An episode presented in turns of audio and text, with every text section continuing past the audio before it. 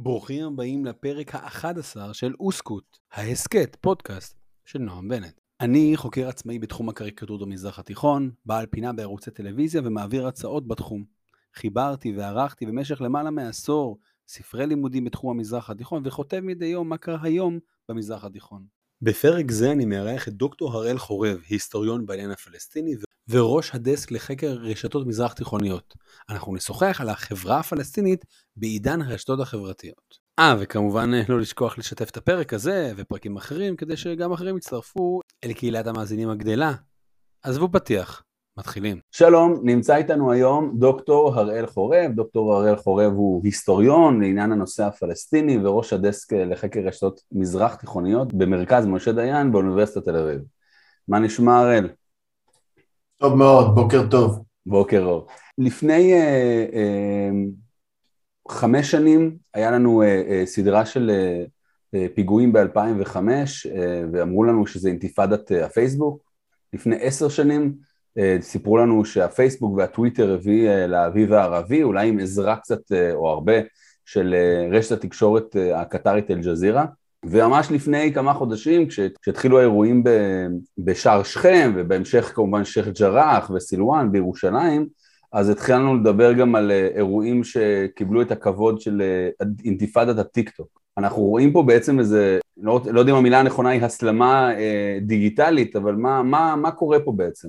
מה שאנחנו רואים הוא שינוי היסטורי מאוד משמעותי, לא פחות משינוי היסטורי. התזה ששינויים היסטוריים גדולים מתחוללת מתחוללים בגלל אה, שינויים טכנולוגיים, או שלפחות שלשינויים, אתה יודע מה, אם אתה רוצה למתן את הטענה הזאת, להגיד ששינויים טכנולוגיים תורמים לשינויים היסטוריים, היא תזה מאוד נכונה. זה נכון אגב לטכנולוגיה של אה, כלי נשק, כן, אה, מלחמת העולם הראשונה, זה המודרנה, בוא נגיד של, או המודרניזציה של כלי נשק שהפכו להיות כלי נשק שאתה יודע, יודעים להרוג הרבה מאוד אנשים בזמן מאוד קצר וללא ספק עיצבו את פני המלחמה ובסופו של דבר את פני העולם וזה נכון כמובן גם לטכנולוגיה של תקשורת ולטכנולוגיות אחרות.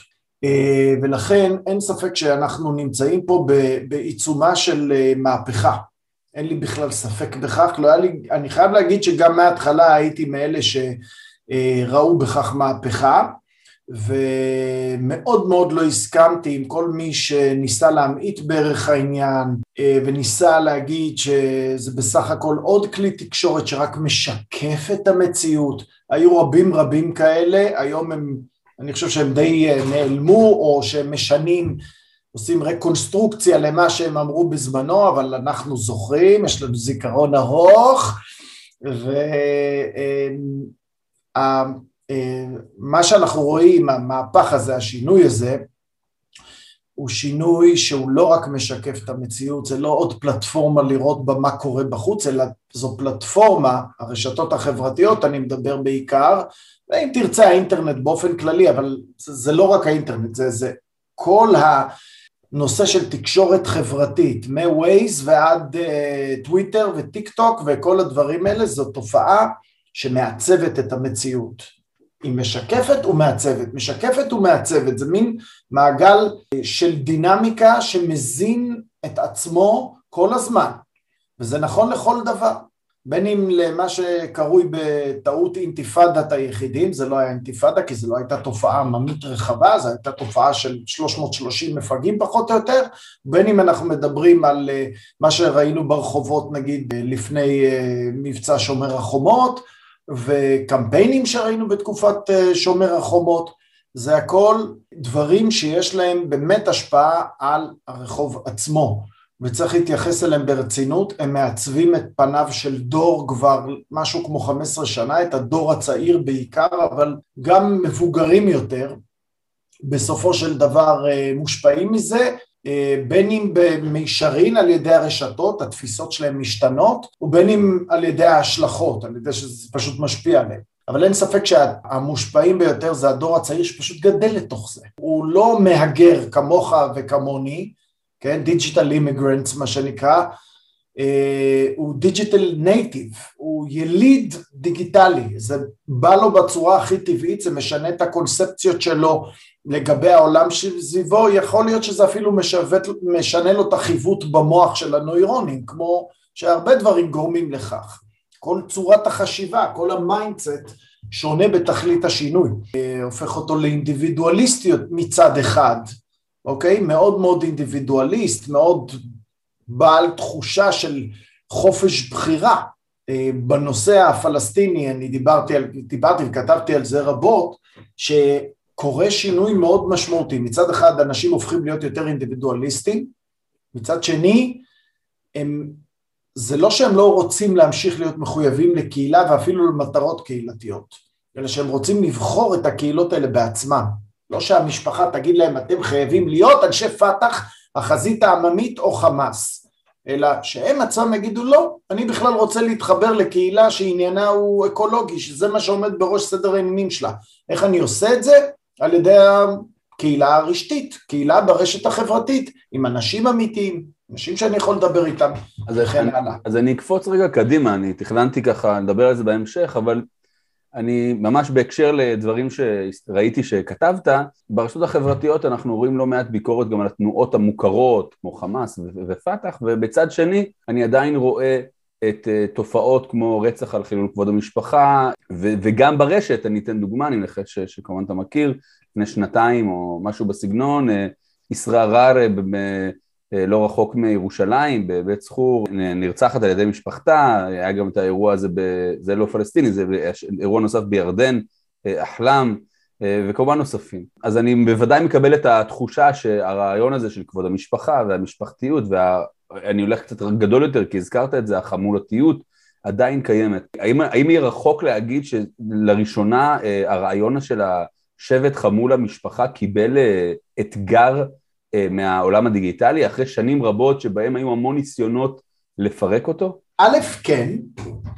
אה, יש, בוודאי שיש אתגר, ויש משפחות שיודעות להתאים את עצמן לזה ואפילו לנצל את זה לטובתן, למשל להקים אתרים משפחתיים שמחזקים את תחושת הלכידות המשפחתית, שאומרים לאנשים בואו אם אתם אה, יוצאי שבט אל-תמימי אז הנה לכם דף פייסבוק שבו אתם יכולים לחזק את הקשרים שלכם עם uh, תמימים אחרים, תמימים זה, זה שבט של uh, עשרות אלפי uh, אנשים רק באזור שלנו, ג'עברי וכן הלאה, יש הרבה הרבה מאוד זה. בואו תהיו מודעים להיסטוריה המשפחתית שלכם, תהיו מודעים לזהות המשפחתית שלכם מאוד מאוד.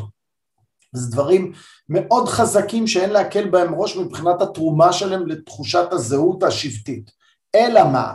וזה באמת סוג של בקליפת אגוז תמצית הבעיה, יש חיכוך גם בין המוסדות המסורתיים האלה של המשפחה לבין מה שתיארתי בתשובה הקודמת שלי, שיש בן אדם יכול לבחור לעצמו, בן משפחה יכול לבחור לעצמו קהילה נוספת לפחות, הייתי אומר את זה, שלא מדברת בשפה המשפחתית, לא הולכת לפי הנורמות המשפחתיות, ואז נוצר לנו איזשהו חיכוך, אוקיי? ניקח את זה למקום אפילו יותר משמעותי. הזכרת את הנושא של רצח על כבוד המשפחה, שזה שוב, זה חלק, הייתי אומר, מוסד, כמה שזה נורא לקרוא להרגל כל כך בזוי אה, מוסד, אבל זה מוסד על פי ההגדרה הסוציולוגית של קבוצת נורמות, כן? הדבר הזה, אפילו הסיפור הזה של, של, של אה, אה, נקמה ורצח על כבוד המשפחה ודברים שהיו מטופלים בעבר על ידי טיר נוסף, שכבה נוספת או ספירה נוספת של מוסדות חברתיים שידעו להתמודד עם העניין הזה במסגרת העולם הברור של משפחות מול משפחות ונורמות וכן הלאה, היום הדבר הזה יתערער כתוצאה מהסיפור הזה של הרשתות החברתיות. אני אתן לך דוגמה, אתה רואה מה קורה בחברה הערבית מסביבנו, איום ונורא, רצח, רודף רצח, גם ארגוני פשיעה, אבל גם נקמות בין משפחתיות, וזה די ברור מהרבה מהמקרים, כשאתה רואה, למשל המקרה הזה של הנהג משאית, לפחות מה שאנחנו יודעים כרגע, היה בחור תמים כנראה שלך תדע על רקע מה נרצח. יכול להיות, ואם לא במקרה שלו אז במקרים אחרים בטוח, שנרצח, יש כל מיני תלמידים טובים שנרצחים פתאום, למה הם נרצחים? כי הם משלמים את המחיר של סכסוך של בן משפחה אחר שלהם, ש... והם פשוט נרצחים בעטיו של הסכסוך הזה. בעבר היו מנגנונים מסורתיים שטיפלו בזה. היית הולך לוועדת נכבדים, וז'הה מה שנקרא, והם היו פותרים את הסיפור הזה באמצעות המשפט המנהגי, או מה שאנחנו נוהגים לכנות הסולחה, מוסד הסולחה, או העורף בערבית, יש לזה כמה וכמה שמות. והיום המוסדות האלה מאוד נחלשו, מאוד נחלשו, וזה חלק מההתפוררות של החברה הערבית, ואני כן, אני אומר את זה ככה, זה התפוררות, יכול להיות שזה יתגבש מתישהו, שזה יתחזק מתישהו, אבל יש כאן התפוררות מאוד מאוד ברורה, חברתית, ואחד המובנים שלה זה שמוסדות מסורתיים שאמורים לתקן פגמים כאלה או פצעים כאלה במרקם החברתי הבין משפחתי לא עובדים כבר, למה הם, ואז אתה שוב חוזר, למה הם לא עובדים? הם לא עובדים מכיוון שיש פה שינוי חברתי מאוד משמעותי שחלקות באשמה, בגלל העניין של הטכנולוגיה, בגלל האינדיבידואליזם הגובר. אתה יודע, אנשים שאומרים, סליחה, מה, מי הם בכלל הזקנים האלה שאני אלך אליהם ואני אפתור את, אצלם את העניין. הם כבר לא כאלה בעלי ידע גדול שאני אני, אני זקוק וניסיון, הרי המשמעות של הזקנים בחברה הערבית הייתה בראש ובראשונה בגלל הידע, הניסיון, אדרת הפנים, וכל הדברים האלה ש...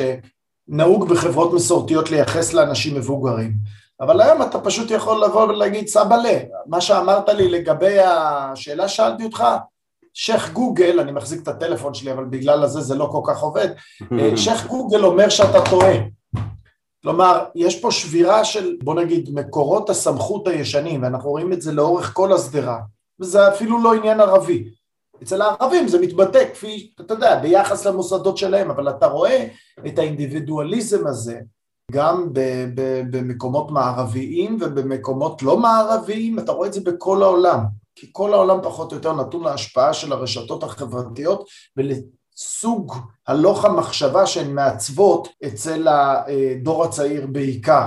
אז בעצם אתה אומר שאולי זה בולט ברשתות החברתיות בעולם הערבי, כי אנחנו מדברים על עולם הרבה יותר אה, מסורתי ושמרני במקורו, ופתאום קיבלו פה כאפה גדולה, כמו שתמר תיארת, שייח' גוגל, או אה, טוב, הסבא הזה לא מבין אה, עכשיו, הוא לא מבין מה, אני ראיתי בחורה שהיא מהשבט השני, או, או לא יודע מה, דברים שכאילו לא היו מקובלים בעליל בעבר, ופתאום עכשיו נשברו הגשרים, וכן, כמו הספר של תומאס פרידמן, העולם שטוח, אז כאילו על כל העניין הזה. אבל, כן. אז בעצם הרשתות החברתיות הן יותר עוזרות לאדם הפשוט או יותר פוגעות? כלומר זה נשמע כאילו הם כן אולי יקדמו את העולם הערבי טכנולוגית, שוברים קירות וכל הדברים האלה, ומצד שני שבירת הקירות הזאת היא עושה את מה שתיארת, היא ששוברת בעצם את, ה, את השבטיות או את הסדר החברתי הקיים. תראה, א', אני בעד שבירת השבטיות, אבל אני בעד שבירה שלא תהיה, כי אני חושב שזה מקור כל הבעיות בחברה הערבית, אני אגיד את זה בצורה הכי חדה ופשוטה שאני יכול להגיד, השבטיות היא מקור כל הצרות בחברה הערבית, בחברה הערבית, כולל בחברה הערבית הישראלית, אני חושב ש... אה, אה, ו- ו- וזה נושא בפני עצמו להסביר מדוע, אבל אני חושב שבכל דבר, החל מלכלוך ברחובות, ביישובים ערביים, והערבים היו הראשונים שיגידו לך שזה עניין חברתי תרבותי של ה... כל מה שמחוץ לבית שלי הוא כבר לא חלק ממני, הוא כבר לא חלק מה, מגבולות החברה שבה אני רואה את עצמי. בתוך הבית שלי הם מבריק, אבל מחוץ לבית שלי זה, זה כבר חלק מחברה אחרת, שהוא לא, לא אני, שאני לא חלק ממנו, שאני, זה, זה לא הסביבה שלי. ועד כמובן רציחות ותרומה חברתית, הכל מתחיל ב, ב, בעניין של, אה, אה, מתחיל ונגמר בעניין של אה, שבטיות. אתמול דיברתי עם בת דודה שלי שהיא עובדת באחד הארגונים שמקדמים ערבים בתעשיית ההייטק והיא אומרת יש לנו המון תורמים יהודים, המון, וואו. כולל מחו"ל וכמעט אפס תורמים ערבים, לא מוכנים לתרום. לי זה מזכיר את אותו סגנון התנהגות של פלסטינים ב-48 כאשר הם התבקשו לתרום למאמץ המלחמתי וזה היה פשוט בלתי אפשרי, אנשים לא תרמו. זה ביטוי להיעדר לכידות חברתית ועל היעדר הלכידות החברתית הזאת זה לא בגלל שאין עם פלסטיני, יש ועוד איך עם פלסטיני, העניין הוא בטח כיום, אוקיי, עזוב את 48 רגע. הבעיה היא בכמה העם הזה או הקבוצה הזאת, עזוב עכשיו אפילו עם פלסטיני, אלא קבוצה ערבים בישראל, כמה הם רואים בעצמם חברה וכמה הם מלוכדים ובסופו של דבר מסוגלים לבצע פעולות קולקטיביות והתשובה היא נמוכה ביותר, המוכנות היא נמוכה ביותר והשינויים הטכנולוגיים שאנחנו רואים בעשור ומחצה האחרונים לדעתי אפילו רק מחריפים את זה. אם ללכת, לחזור לשאלה שלך, למרות שגם אתה היה מאוד ממוקד במה ששאלת, אם לחזור אחרונית לשאלה שלך ולקחת את זה לפרספקטיבה יותר רחבה, אז אני אגיד את הדבר הבא, מאז שהרשתות החברתיות נכנסו לחיינו, יש ויכוח עולמי בין מלומדים לגבי האם זה חיובי או שלילי. אה, יש את מה שנקרא cyber optimist ו cyber pessimist. ואני מצאתי את עצמי בתור חוקר של הסיפור הזה, בתור שהתחלתי במקום האופטימיסטי והיום אני נמצא לגמרי במקום הפסימי, לגמרי. אני חושב שהרשתות הביאו הרבה רע לעולמנו. יש דברים טובים, בהחלט, אבל אני חושב ששבירה של כל ההיררכיות, של כל היכולת לבקר למשל אה, מידע, של היכולת להגביל שנאה, של היכולת אה, ולהפיץ שנאה, לא רק להגביל שנאה, אני התכוונתי, כשאמרתי להגביל שנאה התכוונתי ב, ב, ב, ביכולת כאילו ל, ל, לבקר אותה, לשבור את הגבולות של תאי תעודה כאלה, מה שאנחנו קוראים אקו צ'יימבר, כל הדברים האלה מאוד מוגבלים. היום אנחנו נמצאים בעולם שבניגוד גמור למה שחשבו בהתחלה, שיהיה חופשי ופתוח ודרך האינטרנט תוכל להגיד מה שאתה רוצה ולדבר עם אחמד מהמפרץ וכן הלאה וכן הלאה, אה, בעצם אנחנו רואים שמשהו אחר נוצר, ומה שנוצר הוא, הוא עולם, אומנם מרושת מאוד, אבל בתוך העולם הזה נוצרו קהילות, קהילות ברשת. בין היתר הקהילות שתיארתי לך מקודם, אבל הן באות בכל מיני, בוא נגיד את זה, אה, פרופורציות, יש קטנות, יש גדולות, אבל בגדול אנחנו חיים בקהילות סגורות, למרות שנדמה לנו שאנחנו בעולם פתוח.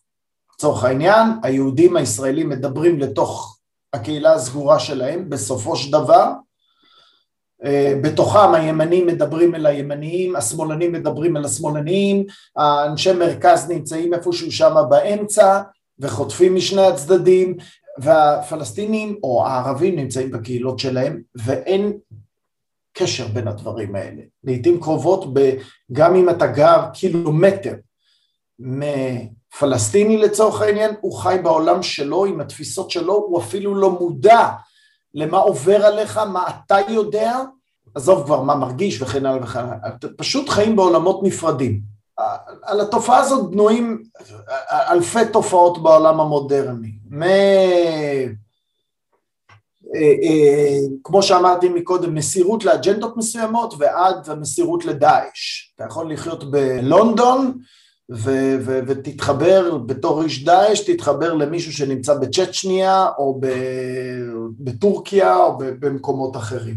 אז יש לנו פה בעצם אה, שני, שני דברים שהם, אתה יודע, סתם, הזכרת לי ככה את מערכות הבחירות שהיו, הרבות, ב-19-20, ואחד הדברים ש, שאפשר היה להבחין שם, בעיקר בראשונה, אני חושב, כי עדיין לא הבנו שאנחנו נכנסים לתוך מערכת כזאת, הוא בעצם תיבת התעודה שכל אחד, אה, כמו שתיארת, אה, הימנים שמעו בפייסבוק רק ימניים, בעיקר אני חושב בגיל המבוגר יותר, אני אומר כרגע בכללי, אה, כי דווקא בטוויטר אנחנו רואים הרבה יותר תגובתיות והרבה זבל כמו שתיארת. עכשיו, אנחנו ככה לקראת סיום והחלטתי לשמור את הנושא, נקרא לו הפוליטי-מדיני, אולי לפגישה אחרת, אז uh, הייתי רוצה לדעת, האם יש קמפיינים יצירתיים מסוימים שאתה יכול לספר לנו ש, שלא יודע, אנחנו, אנחנו לא רואים כי אנחנו לא מחוברים כל כך לרשת, uh, הרשתות החברתיות הערביות. קמפיינים הן עם פוליטיים, הן עם אולי חברתיים uh, כלליים, אני, אני ציינתי אז את אותו uh, רצח על חילול קבוע במשפחה, אבל אני אומר גם דברים אחרים, קמפיינים מסוימים. תראה, יש כל הזמן קמפיינים. אנחנו חוץ, אני אומר, מי שלא נמצא בעולם הזה לא מבין כמה אה, מה שמסתובב סביבו זה לעיתים קרובות קמפיינים מתוזמרים, מתוזמנים, ממומנים ושנדחפים על ידי גורמים בעלי עניין, כל הזמן. לי אה, יש מטבע הדברים פחות עניין באג'נדות, אה, בוא נגיד את זה, לא פוליטיות. כן מעניין אותי אג'נדות חברתיות וכן הלאה, אבל המעניינות באמת, ואלה שגם מקבלות את הכי הרבה כוח אה, ונדחפות מאחור, זה האג'נדות הפוליטיות. אה, ואני חושב שישראל המתוחכמת במבצע האחרון בשומרי החומות הייתה, נפלה, כולנו, זה לא ישראל, כולנו, אתה, אני, נפלנו קורבן אה, לקמפיינים אה, ממומנים היטב על ידי מדינות בעלות עניין, אויבות שלנו כמובן, פשוט הצליחו לשנות את הנרטיב ואת דעת הקהל בהרבה מקומות במערב ובראשם בארצות הברית.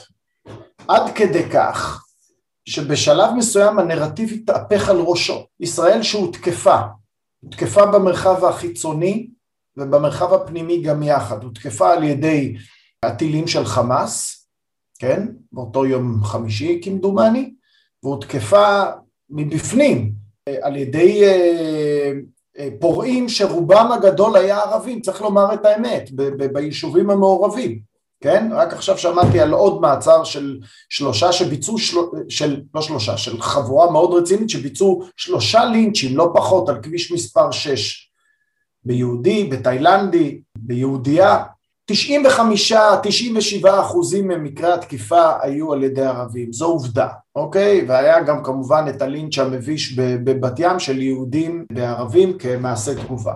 אבל לא משנה, היחסים המספריים מאוד ברורים כאן. איזה נרטיב התעצב, התקבע בחו"ל?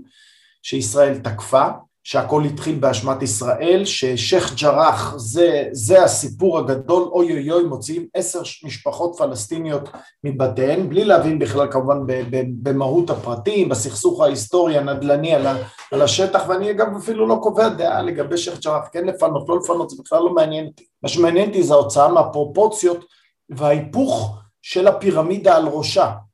כאילו זה מעשה התוקפנות ולכן ממילא כבר מי זוכר ש, שחמאס פתח פה בירי חסר הבחנה טרוריסטי על אה, יישובים ב, בישראל. אז זה דבר אחד, והדבר השני כאמור שהתקבע נרטיב שכנופיות יהודיות תקפו ערבים, כנופיות יהודיות ומשטרה חסרת רסן תקפו ערבים ביישובים ערבים בארץ. לנרטיב הזה שטופח בקמפיינים רשתיים הצטרפו ב, בסופו של דבר, באופן מביש ביותר, גם אקדמאים ישראלים ויהודים לשעבר, אה, שנמצאים, שחיים בארצות הברית, זה שהם ישראלים לשעבר, לא גרם להם אה, אה, לפתוח כלי תקשורת ישראלי בשביל לראות מה שקורה, כי אחרת מיד היו מבינים שכנראה משהו פה ממה שהם פרסמו מעוות לחלוטין, והם גינו את ישראל ואת המשטרה חסרת האונים שלנו, אני מזכיר, אה, ואת הכנופ... אה, אה, called כנופיות יהודיות על כך שהם תקפו ערבים חסרי ישע בתקופת הזה, מבלי בכלל להבין שהסיפור היה מה שנקרא ההפך גוטה.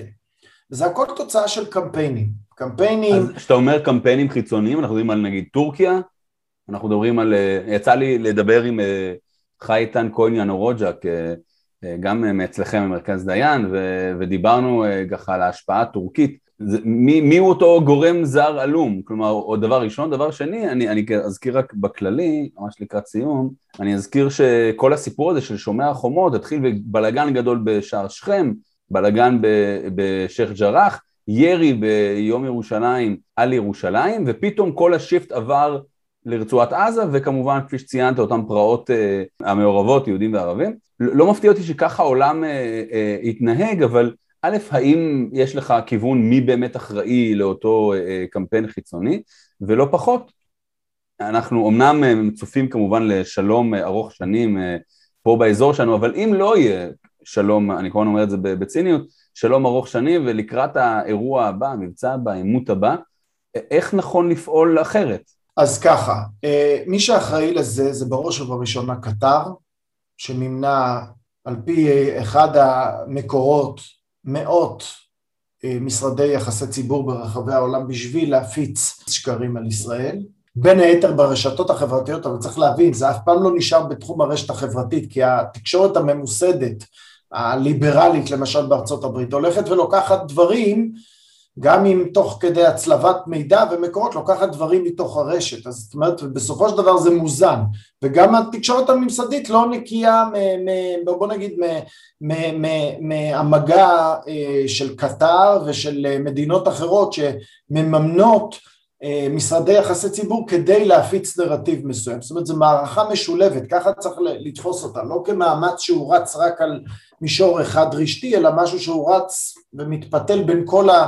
הפלטפורמות הקיימות, אז זה קטר, זה איראן, זה מלזיה שגם היא הריצה קמפיין כנראה יותר קטן, ולך תדע מי עוד, לך תדע מי עוד, אבל על שלושת אלה אנחנו יודעים די בוודאות, גם כל מיני קבוצות האקרים יותר קטנות, חמאס מעורב בסיפור הזה, חמאס ארצות הברית מעורב בעניין הזה, אנחנו ראינו למשל וזו דוגמה אגב קלאסית, איך הדברים עובדים. אה, אחרי שנסתיים מבצע שומר החומות, בעיד אל אדחא, יותר נכון יומיים לפני עיד אל אדחא. חג הקורבן איזה, כמובן. כן, כן, איזה מועד יהודי התרחש יומיים לפני? תשעה באב. Mm-hmm. ובתשעה באב הייתה התנגשות אה, על ההר, כי הם התחילו לזרוק אבנים, המתפללים או המתפרעים שם התחילו לזרוק אבנים על המתפללים למטה, והמשטרה שוב פעם נאלצה לפרוץ אה, ולדכא. איך הם ניצלו את העניין הזה? בדיוק כפי שניצלו בזמן שומר החומות את העובדה שהם הדליקו עץ על ההר כדי להגיד שישראל עשתה את זה, הם אמרו שישראל תוקפת מתפללים אה, מסכנים בעיד אל אדחא, שאגב עוד לא חל באותו יום, רק יומיים אחר כך. בסדר, ערב ערב חג. כן, עוד היה זמן, כן, ערב כן. חג, ערב ערב חג, בדיוק. אה, יומיים אחר כך אתה רואה את אה, חברת הפרלמנט, חברת הקונגרס האמריקאית, שמאוד מקורבת לאחים המוסלמים בארצות הברית, ראשידה טלאב, אה, אשת BDS ידועה, מצטרפת לקמפיין הזה ומפיצה דרך הטוויטר שלה את השקרים כאילו ישראל תקפה מתפללים תמימים בעיד אל אדחא, פשוט שקר מוחלט. למה? מה קרה? היא אשת אחים מוסלמים, היא אפשר להגיד גם במידה רבה אשת חמאס, או, או מקורבת לפחות לחמאס, בטח רואה בהם אה, אה, אה, שחקן חיובי, BDS אה, בסופו של דבר תנועה שמגובה על ידי, אה, מגובה מופעלת על ידי אנשי חמאס, אנחנו יודעים את זה בוודאות מוחלטת, אנשי חמאס ואנשי חזית עממית אה, בעיקר, היא פשוט הצטרפה לקמפיין. עכשיו רשידה היא מה שאנחנו מכנים האב ברשת, היא רכזת, היא יש לה המון קשרים, היא אדם מפורסם וכאשר היא לוקחת קמפיין גובע ומת של ישראל תוקפת מתפללים בעיד אל אדחא, היא מנסה לתת לו כוח, להזרים בו כוח חדש בשביל להרים את הקמפיין הזה, אלא שהיא חטפה כל כך הרבה על הראש, ההפצצה הייתה מוכנה מנגד על זה שהיא מפיצה שקרים וזה בכלל לא עיד אל אדחא ומה היה שהיא נאלצה להבין מהר מאוד שהיא היא, היא בבעיה והיא הורידה את הפוסט הזה, אוקיי? אז... אז זו אה, התשובה בעצם? התשובה היא בעצם שאנחנו צריכים להיות מוכנים מראש עם בליסטראות של תגובות של... חד משמעית, mm-hmm. חד משמעית. משרד החוץ, אני צריך להגיד את זה, כשל באופן מלא, באופן מביש בסיפור הזה, אני מאוד מבין את האילוצים של המשרד הזה, כי הוא היה באמת משרד מאוד מאוד נטול משאבים ולא מוכן, זאת אומרת אנחנו מדברים על סוף תקופת נתניהו ותחילת תקופת אה, הממשלה הנוכחית, והוא לא היה במקום הזה שהוא יכול היה להגיב כראוי, משרד מאוד מאוד מוחלש הוא היה, באמת, במקרה שלו אפשר להגיד מוחלש, ושילמנו את המחיר. שמע, נועם, מי שלא מבין שהזירה הזאתי שאפשר לקרוא לה זירה תקשורתית, אבל היא כבר לא הזירה התקשורתית של פעם, אוקיי? של האמצעים הממוסדים שאתה יכול ללכת, לשלוח איזה דובר שיעמיד דברים על דיוקם, אין יותר מדי זירות כאלה, כמה ערוצים שאתה הולך ושולח אליהם נציגים ובזה אולי עשית את שלך. פה אתה מדבר על כמות אינסופית של מכשירים וצבאות אלקטרוניים שפועלים, ואם לא תדע להתמודד איתם באותה נחישות, ממזריות, תחמנות, טכנולוגיות אה, עילאית ועוצמה, אתה תפסיד. אתה לא יכול להשאיר אותה פתוחה כפי שראינו עכשיו. זה, זה היה סוג של יום כיפור מבחינתנו, מה שקרה עכשיו. הנרטיב ההפוך לחלוטין הוא הנרטיב שהתקבע. שמעתי את יאיר לפיד מדבר על זה לפני כמה ימים, ואני חייב להגיד, ואני בוודאי, מה שקרה בשומר החומות היה כך וכך, בדיוק הדברים שאמרתי לך, אנחנו נדאג שזה לא יחזור על עצמו, ואנחנו הולכים להקים זרוע שתדע להתמודד עם הדברים האלה, זרוע סייבר, שתדע להתמודד עם הדברים האלה ולהסביר את ישראל גם במקומות הללו של הטיקטוק וכן הלאה. זה חשוב מאוד מאוד, ובעצם על כל אחד מאיתנו מוטלת החובה לתרום בחלקת האלוהים הקטנה שלו את הלייק איפה שצריך לנרטיב הפרו-ישראלי, או אפילו לא פרו-ישראלי, סתם שאומר את האמת למען השם, את השיתוף, את הדברים האלה. אם נשאר מהאו"ם, אם לא נדע לבצע פעולות קולקטיביות גם ברשת, אנחנו פשוט נפסיד שם, שוב ושוב, ונתלונן על ההסברה ועל אלה שלא עושים את תפקידם. מה לעשות חבר'ה, היום כולם הם, הם, אם הם לא עושים את תפקידם, הם חלק מהבעיה. הזכרת לי ככה את, ה, את הביטוי, כן? את ה, אם, אם נברתי את הוור ואם עיקשתי את הפל, כשאנחנו באמת צריכים אה, להיות, אה, לשפר את התחמנות שלנו, מה שנקרא, ואת ה, התחבולות שלנו, גם הרשתיות, לא רק אה, בשביל, אתה יודע, מבצעי מוסד עלומים שאנחנו מגלים ב, ב, לאחר שהם קורים, אלא גם ב, להכניס איזה תבלין, גם תעמולתי, שכן, לגמרי אני מסכים, אני, יכול, אני רואה את זה גם ב... הרבה פעמים אה, שאני מעלה דברים, אה, אתה יודע, בעיני הקריקטורות אה, שאני חוקר, אז אני באמת רואה את התגובות, ולפעמים, אתה יודע, לפעמים אני ככה מהרהר לעצמי האם היה נכון להעלות איזה קריקטורה מסוימת מהעולם הערבי, כי בסוף יש עוקבים גם ערבים שאולי, מתלה... ש... שאולי עושים איזה, שמנצלים את זה שהנה, יש ישראלי שמעלה, כמובן שזה לא המטרה שלי, אני בעברית מסביר בצורה אה, משלי, מה שנקרא, אני לא אומר, הנה, תראו את הישראלים עושים ככה והכל, אלא, או לפעמים יש ניצול, והרבה פעמים הם גם לא יודעים לקרוא ערבית, אבל אה, אני כן אגיד ש, שאנחנו, אה, לצערי, הגענו לסיומנו, בגלל איזה חוסר, משהו, זה משהו שאני לא, לא, לא הסתדר לי פה לפני, ש, לפני המפגש, אבל אני מאוד מאוד מקווה שנקבע בקרוב שיחה נוספת, גם אני ככה מלא מלא חלונות נפתחו לי גם עם העניין הזה של uh, הפלסטינים בארצות הברית שהזכרת, גם כמובן uh, חמאס, פת"ח uh, ובעולם הדיגיטלי, ככה נפתחו לי המון המון חלונות שנראה לי נוכל לדבר בפגישה אחרת. אז דוקטור הראל חורב, תודה רבה רבה שבאת להתארח במעוננו הצנוע, וניפגש בקרוב בעזרת השם. בהחלט, בשמחה. האזנתם לפרק ה-11 של אוסקוט, ההסכת, פודקאסט של נועם בנט. אם הגעתם עד לפה בוודאי שאשמח לשאלות, תגובות, הערות, לי או לדוקטור חורב, על ההסכת ששמעתם על החברה הפלסטינית בעידן הרשתות החברתיות. שיהיה לכולנו חורף טוב ושיהיה לכם אחלה של יום.